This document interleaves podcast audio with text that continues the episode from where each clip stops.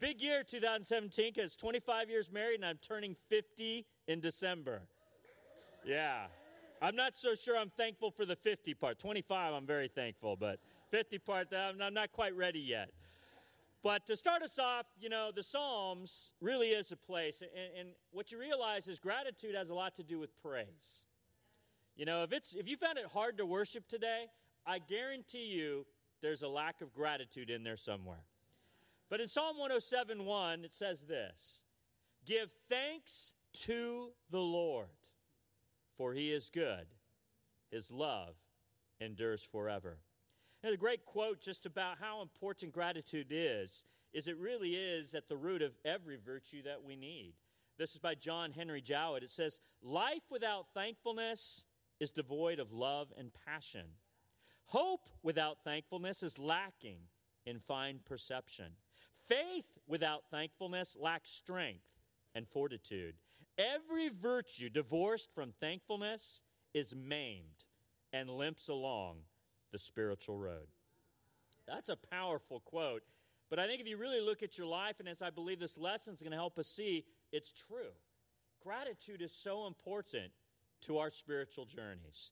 You know, in Hebrews 12 28, it's this amazing just encouragement of why we need to be grateful. And verse 28 says, Therefore, and so obviously, whenever you see that word, guys, that means you probably want to read what's before it. I won't do that today. But in your own study of the word, you, you want to know the context, okay? What was said before this that this was so important now to say? But says, Therefore, since we are receiving a kingdom that cannot be shaken, let us be thankful.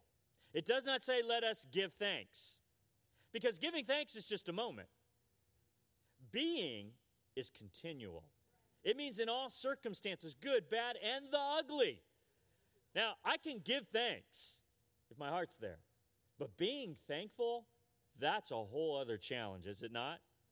You know, for some of you right now, yeah, I can be thankful because things are going well. For some of us right now, it's very challenging, and actually, the holidays can be the most challenging. This is a much harder command to follow. It says, and so worship God. Did you see that connection? Be thankful. So, in other words, what comes first, the worship or the gratitude? The gratitude. So, if you're struggling with worship, it's absolutely an issue of gratitude. That's why when I see some of our worship leaders and I just see them really in it, I know that somewhere in their heart is gratitude. Maybe it's just for whatever God's little kiss they got that week, even though maybe the rest of the week was tough. Gratitude is connected to worship. It says, so worship God acceptably, which means you can't worship Him unacceptably. Ever thought about that? You know, we come into church, and a lot of times, let's be honest, it's about what can we get. But according to this, if we're grateful, coming to church about what we can give. Giving to God acceptably, giving to one another acceptably. It says, with reverence and awe, for our God is a consuming fire. That, that's a powerful verse. But I think the true challenge in this is the command not just to give thanks, that's a moment, but to be thankful. It's a continual state of being. Every day, should be thanksgiving. Here's a great uh, quote that I think under, understands this continual nature of gratitude by Sam and Hampton. Gratitude is when memory is stored in the heart and not in the mind. Wow, I love that description of gratitude. It's, it's a memory that's in the heart, not just in the mind. Look at this passage in Colossians 3 if you don't, if you don't believe me that being thankful is very important to God. In verse 15, it says, Let the peace of Christ rule in your hearts. And you're going to see the connection here with peace as well. When you don't have peace, how's your gratitude? It's harder, right? Well, again, we see this importance of gratitude with every virtue. It says, Let the peace of Christ rule in your hearts, since as members of one body you were called to peace, and be thankful. Again, not give thanks, be thankful. But how are we going to do that? How are we going to be thankful? Well, the rest of this passage kind of gives us some help. It says, Let the word of Christ dwell in you richly as you teach and admonish one another with all wisdom. And as you sing songs, psalms, hymns, and spiritual songs with gratitude in your hearts to God. And whatever you do, whether in word or deed, do it all in the name of the Lord Jesus, giving thanks to the Father through him. This verse gives us three kind of sources of gratitude, all connected to Jesus. The first one is be thankful. Why? Because of the peace of Christ. Now, I know for some of us, Thanksgiving doesn't uh, bring peace, it's stressful. I know one of our first kind of, uh, not really fights, but our first kind of uh, discomfort in our marriage was our first Thanksgiving. Because we were in this really small, tiny apartment in Russia, and we each came into that morning with our different traditions of Thanksgiving, and we had never communicated with each other. That was not the most peaceful setting. We were like, we were getting irritated with each other because we didn't communicate. Oh, see, in your family upbringing, Leanne's mom did the cooking, where in mine, my dad did the cooking. But we didn't talk about that. So after that first one, she does all the cooking but the turkey. That was mine. I got to do the turkey. So, but now we have peace and Thanksgiving. We know how it is in the holidays, right? Shopping, Thanksgiving, the meal. It, it, can, it, it can be a place of no peace. But we should have a peace of Christ by being thankful. The second one, it says gratitude in your hearts. Again, that memory, not in the mind, but in the heart. How? By the word of Christ. The reality is, a lot of times our gratitude is proportional to how much time we're in the Word. I just, I speak for myself.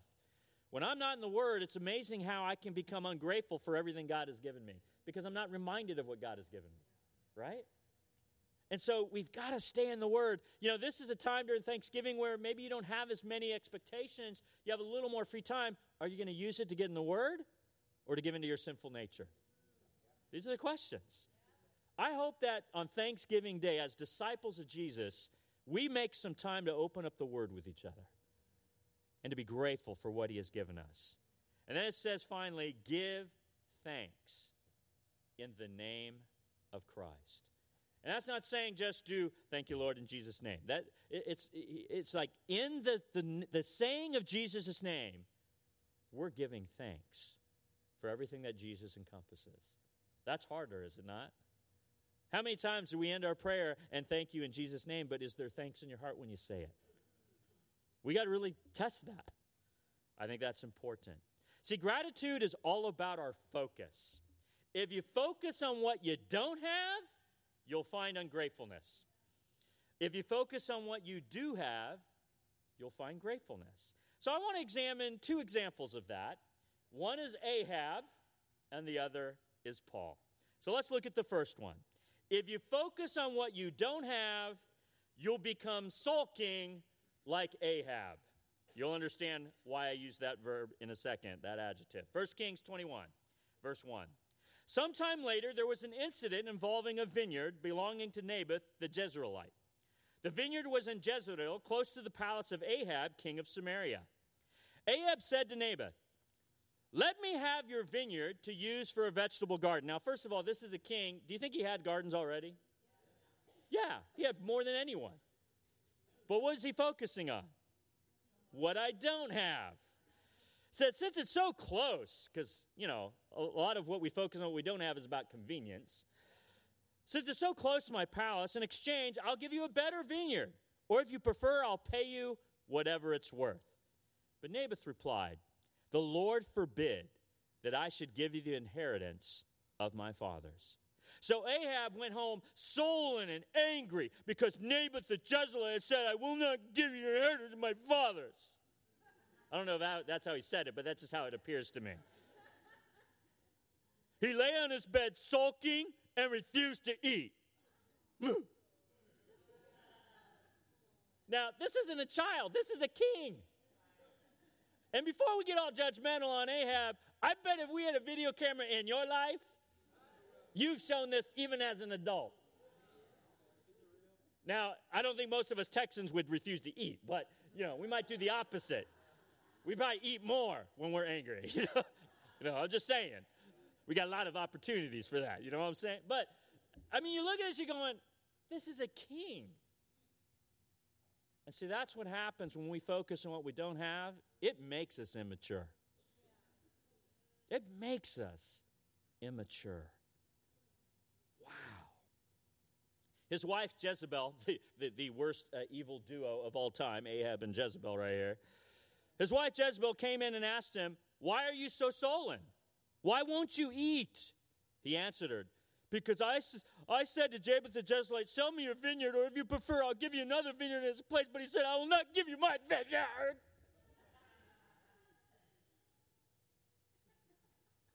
I don't know if that's how he said it, but that's just how I see it. Jezebel, his wife, said, Is this how you act as a king over Israel? Woo! Even Jezebel was discipling right there. Get up and eat. And it's an exclamation mark, even in the Hebrew. Cheer up. I'll get you the vineyard of Naboth the Jezreelite. So she wrote letters in, er-, in Ahab's name, placed his seal on them, and sent them to the elders and nobles who lived in Naboth's city with him. In those letters, she wrote, Proclaim a day of fasting and seat Naboth in a prominent place among the people. But seat two scoundrels opposite him and have them testify that he has cursed both God and the king. Then take him out and stone him to death. Well, this story just turned quite dramatic. So the elders and nobles who lived in Naboth's city did as Jezebel directed in the letters she had written them. They proclaimed a fast and seated Naboth in a prominent place among the people. Then two scoundrels came and sat opposite him and brought charges against Naboth before the people, saying, Naboth has cursed both God and the king. So they took him outside the city and stoned him to death. Then they sent word to Jezebel Naboth has been stoned and is dead. As soon as Jezebel heard that Naboth had been stoned to death, she said, Ahab, get up and take possession of the vineyard of Naboth the Jezreelite that he refused to sell to you. He is no longer alive, but dead.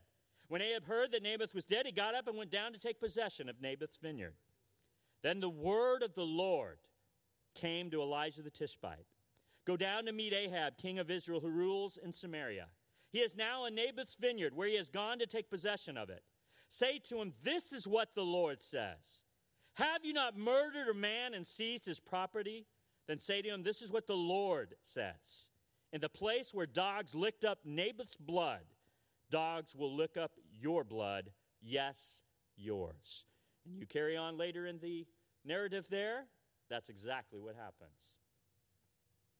This is a disturbing picture of ungratefulness. But are we really any different? Do you see the progression of sin that followed Ahab's ingratitude? Because he was focusing on what he didn't have. It led to his sulking, to his deceit, to murder, and honestly, even worse than that, just indifference. It didn't even bother him. Definitely didn't bother Jezebel. I wonder how many of us right now are in blatant sin simply because you're not grateful. You're not grateful for what Jesus did on that cross for you. Now, I understand we're all sinners, we're all going to struggle, but if we're in continual repetitive sin, something is wrong with you. There's not anything wrong with God. He has already paid the price, He has already given you grace and salvation. Man, if you continue to sin, it's not just that you're a wretch, you're ungrateful. But as I look at my own life and I look at every sin, whether it was one time or many times, I can see ingratitude connected to it all. I know when I sin against my wife in any way, it's because I've become ungrateful for her. I'm focusing on what I think I don't have in her rather than focusing on what I do have in her. A best friend, someone who's been patient with me, who's forgiven me. Like when you stop and actually think about what you have and what you don't have, gratitude starts to come back. So, guys, if you're struggling with sin, I have a feeling it's not just the sin you're struggling with. I think there's an ingratitude that you've allowed to come in because you're focusing on what you don't have. The reality is, if God gives me nothing more than what He already did on the cross, I should be grateful till I'm dead. That's the honest truth. We, it shouldn't matter if I'm cursed from this point on. I've been forgiven. I've been given salvation. I've been given a promise of heaven. Shouldn't that be enough? And so that's what's so sad is it's often not. For me, I'm speaking for me. I, I'm appalled at how easily I can become ungrateful for what I have in Jesus. But I know a lot of it is the focus. I'm focusing on what I don't have rather than what I do. If you focus too much on what you don't have, you're going to look like Ahab, sulking. Here's another quote from Albert Clark In our daily lives, we must see that it is not happiness that makes us grateful, but it is gratefulness that makes us happy. I think that's very true. But I don't want to focus on the negative. This is Thanksgiving. But I want us to be challenged because the command is to be thankful, which means we need to be focusing on what we do have, not on what we don't. So now let's get to the positive example. Focus on what you do have, and you'll become content, like Paul. Philippians 4 4 through 13, an incredible passage, especially when you realize he wrote this while he was in prison. King Ahab was in a plush palace, had many things, and we see the end result of him sulking, deceit, murder, and indifference. Paul is in prison. And here's what we read such a different response Rejoice in the Lord always. I will say it again rejoice. Let your gentleness be evident to all. The Lord is near. Do not be anxious about anything. Okay, how many have committed that sin? Woo! You know, we, we just skip over verses like that. Like, well, it's not a Ten Commandments. So, guys, it said, do not be anxious about anything, which means anytime you're anxious, you've disobeyed. I'm a pretty disobedient child of God. That we, we got to take the, these commands to heart. But I think gratitude has a lot to do with it. But in everything, by prayer and petition. Notice it breaks up prayer.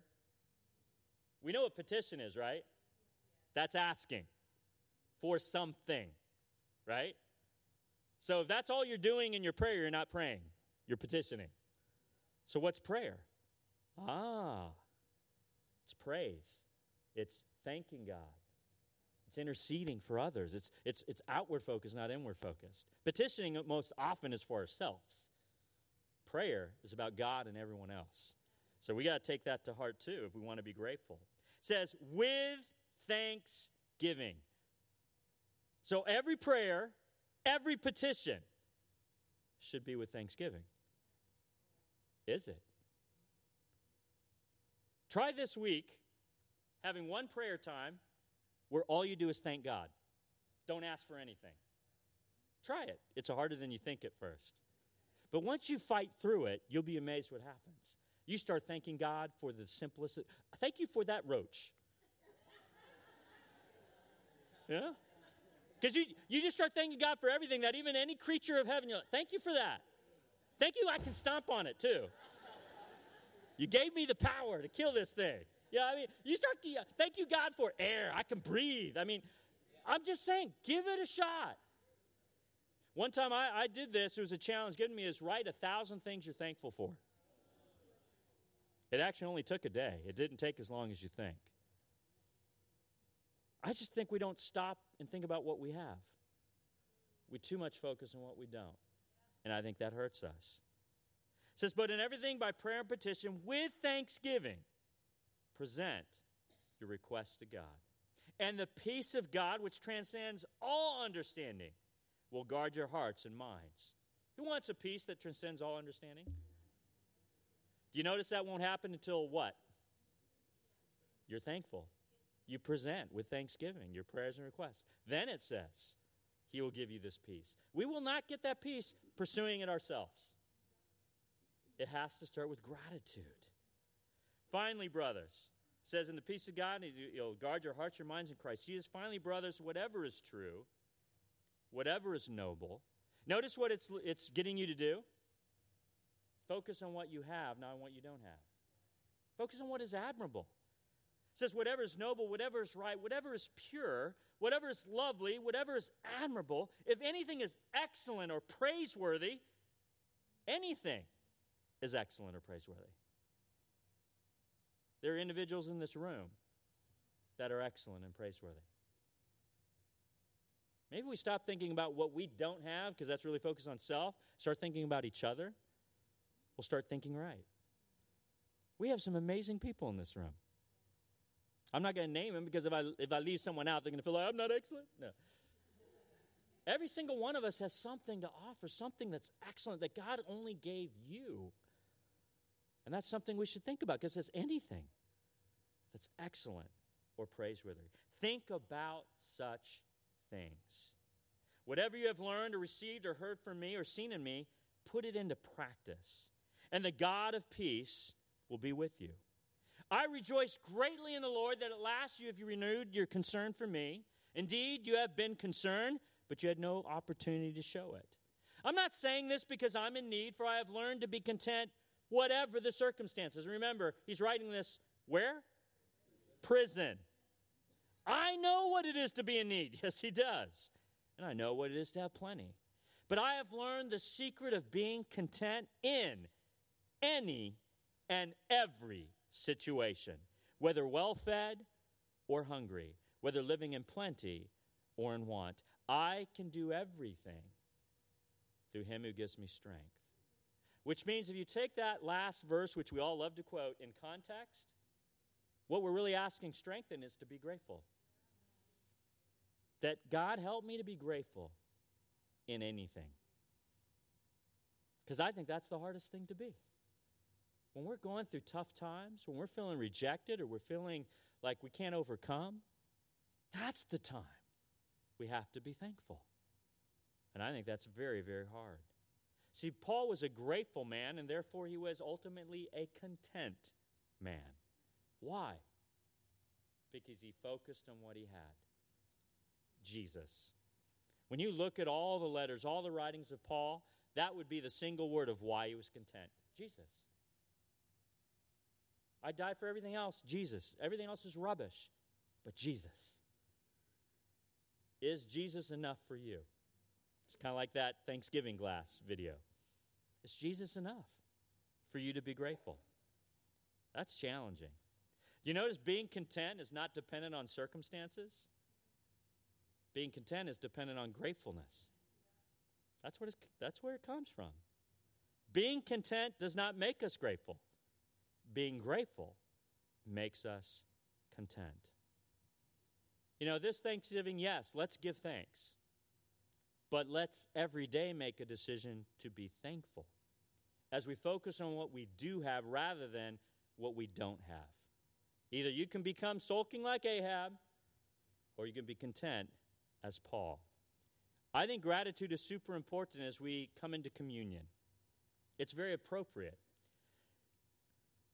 The cross should remind us of what we have in Jesus in forgiveness, in grace, in hope, and in resurrection. You know, many of us have read these narratives, heard these narratives with communions and sermons, but with this idea of being thankful, understand that Jesus never commands us to do something he didn't himself portray. If you want to really see an example of being thankful in the worst circumstances, it's right here. It's as we remember Jesus. Let's go to Luke 22, verse 14, to close things out. When the hour came, so even before I continue, we already know something. The hour came for what? His death. So that's at the heart. That, that's what he's experiencing in that moment. And not just a death, the worst death. And a, a death that goes beyond even just physical death, a separation for the first time in his existence from his father. That's the hour that has come. None of us have faced that hour in our lives. But that's the hour Jesus is about to face. So when the hour came, Jesus and his apostles reclined at the table, and he said to them, I have eagerly desired to eat this Passover. And we know what that looks like because you're going to all show it on Thanksgiving Day. As you're smelling all the cooking, you're like, when were we going to eat? Right? You, you're going to eagerly desire it. So you know what he's saying. To eat this Passover with you before I what? So what's on his mind? The hour, the suffering, the crucifixion, the death, the separation. This is what's on his mind. And then look at the very next thing. For I tell you, I will not eat it again till it finds fulfillment in the kingdom of God. So we know what's going on. And this is his response. After taking the cup, he gave thanks. He's not just giving thanks for the cup, for the food. He's giving thanks for everything it represents, which is horrible. God, I'm about to face the worst hour of my life. I'm going to suffer for something I didn't do. I'm going to be rejected by even those I have loved. I am going to be crucified. I am going to be separated. I am going to die. Thank you. Isn't that what he's doing? Wow. He gave thanks and said, Take this and divide it among you, for I tell you, I will not drink it again of the fruit of the vine until the kingdom of God comes. And he took the bread and gave thanks and broke it. And we know he's not just thanking for the physical bread because he goes, saying, This is my body. So he's breaking his bread, knowing that he's breaking himself here potentially very soon, and he's giving thanks for it. What? Do this in remembrance of me. In the same way, after the supper, he took the cup, understanding that he's not just giving thanks for the cup, but for what the cup represented his blood that we be spilt out, and he thanks. This is the cup, is the new covenant in my blood, which is poured out for you. As Jesus was preparing for the ultimate sacrifice, what was in his heart? Not anxiety, not hopelessness, not faithlessness, not anger, not loneliness, gratitude. I don't get it.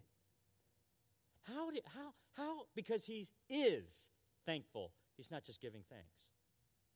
He has shown us what it means to be thankful. If we if he had to be thankful in facing the cross, do we have any excuse not to be thankful? I don't think we do. He was thankful. And it's kind of interesting because in our Christian tradition, our Christian history, this time that we call the Lord's Supper, the remembrance of Him, do you know what word they use to describe that in most Christian tradition? Eucharist or Eucharisteo. Here's the Greek word. Do you know what that actual Greek word is in that text? Thanks. In our tradition, for hundreds, if not thousands of years, communion was a time of thanks. We are now going to take the Eucharist. Thanks. Wait a minute. How can we be thankful looking at the death of Jesus? Because he did. He gave thanks as he was about to face this. You want to know how spiritual you are? Be thankful when you're facing your cross. Because that's what Jesus did. But maybe there's something about gratitude we haven't looked at that Jesus had. That just maybe there's an aspect of true being thankful that involves faith in what you do not see. Think about it for a minute. Most of us, we're grateful for what we have seen, not for what we're seeing or will see, right? Most of our gratitude is after the fact. He hasn't even faced it, and he's already thankful. He's thankful for the future. He's thankful for something that's yet to happen, something that is yet to be seen. Man, if you want to be thankful, there's got to be a faith to be thankful for that which you don't even yet have, but you believe. I think the way Jesus was able to be thankful to the cross, and I think Hebrews adds to it, says, For the joy set before him, he took the step toward the cross. Because he was thankful not just for the crucifixion, not just for the separation, he was thankful for the promise that God would raise him again. That's how you're grateful in tough circumstances. Is you're grateful for what God has promised he will be. I will be with you always. How do we start it off? Give thanks to the Lord. Why? His love endures forever. Our gratitude should not just be on the past, it should be in the present and really in the future. What could you be thankful for that you have not yet seen? That's what you should express to God. That's faith. And that's what I believe Jesus did as he took up the cup and the bread. He looked at it and goes, Thank you, God. Thank you for this cross. Thank you for your will. Even though there's a part of me that wants to get out of it, and he prays that later Lord, if there's any way. But you know what? Not my will, but your will. Thank you. From that point on, he was resolute. But I believe there was a thanks of a future as well. God, I know you will endure forever. Your love will endure forever. You will not leave me in the grave. And I'm going to trust that. Without trust, without faith in our future and in God's love, we can't be thankful. We can give thanks for what's happened, but we can't be thankful unless we have the faith of Jesus. So, what I'd like us to do before we actually take the Eucharist, as it's called, as we give thanks, before I pray, I want us to actually take some time and share with the person next to you, left or right or both, what are you thankful for in the past? What are you thankful for presently? And what are you thankful for in the future? And I want you to share that with each other. I'm going to give you a few minutes to do that.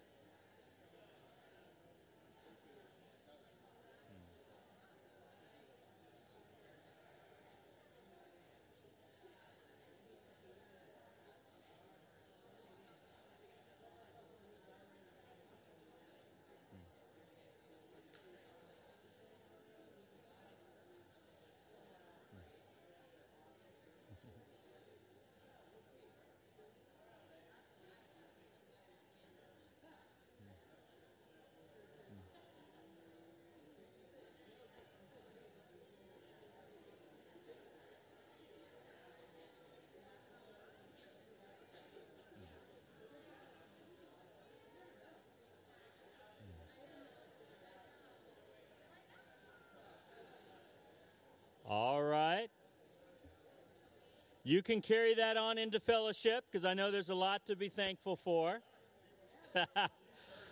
but I hope you understand this is communion. This is where we are all involved. I wish you could see what I see, hear what I hear a joy, a gratitude. This is how we need to be all the time. Let us go to God in prayer.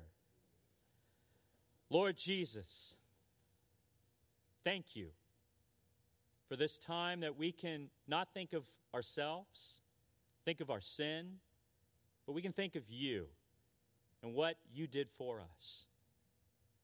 We want so much to not be like Ahab, who sulks, but more like Paul, who's content. But really, we want to be like you, Lord.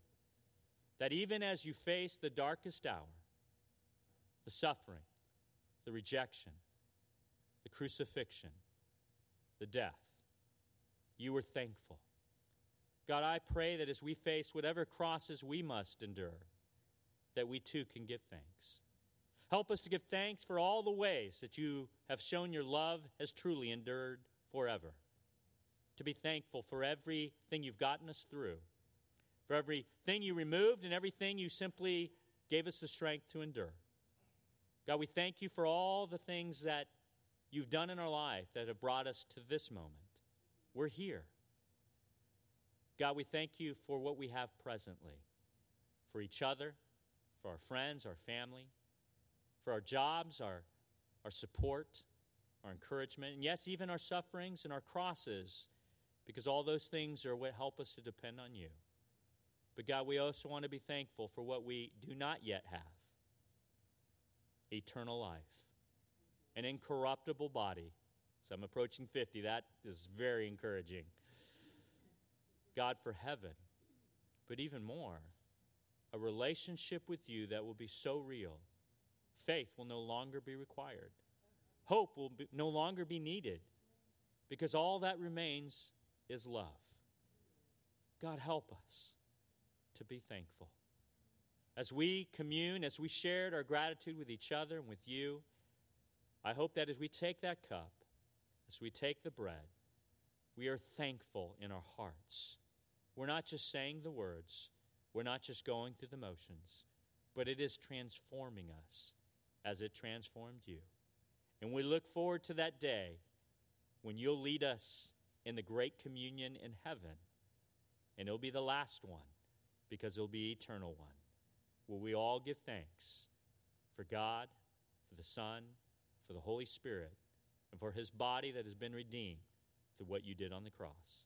It is in Jesus' name we pray. Amen.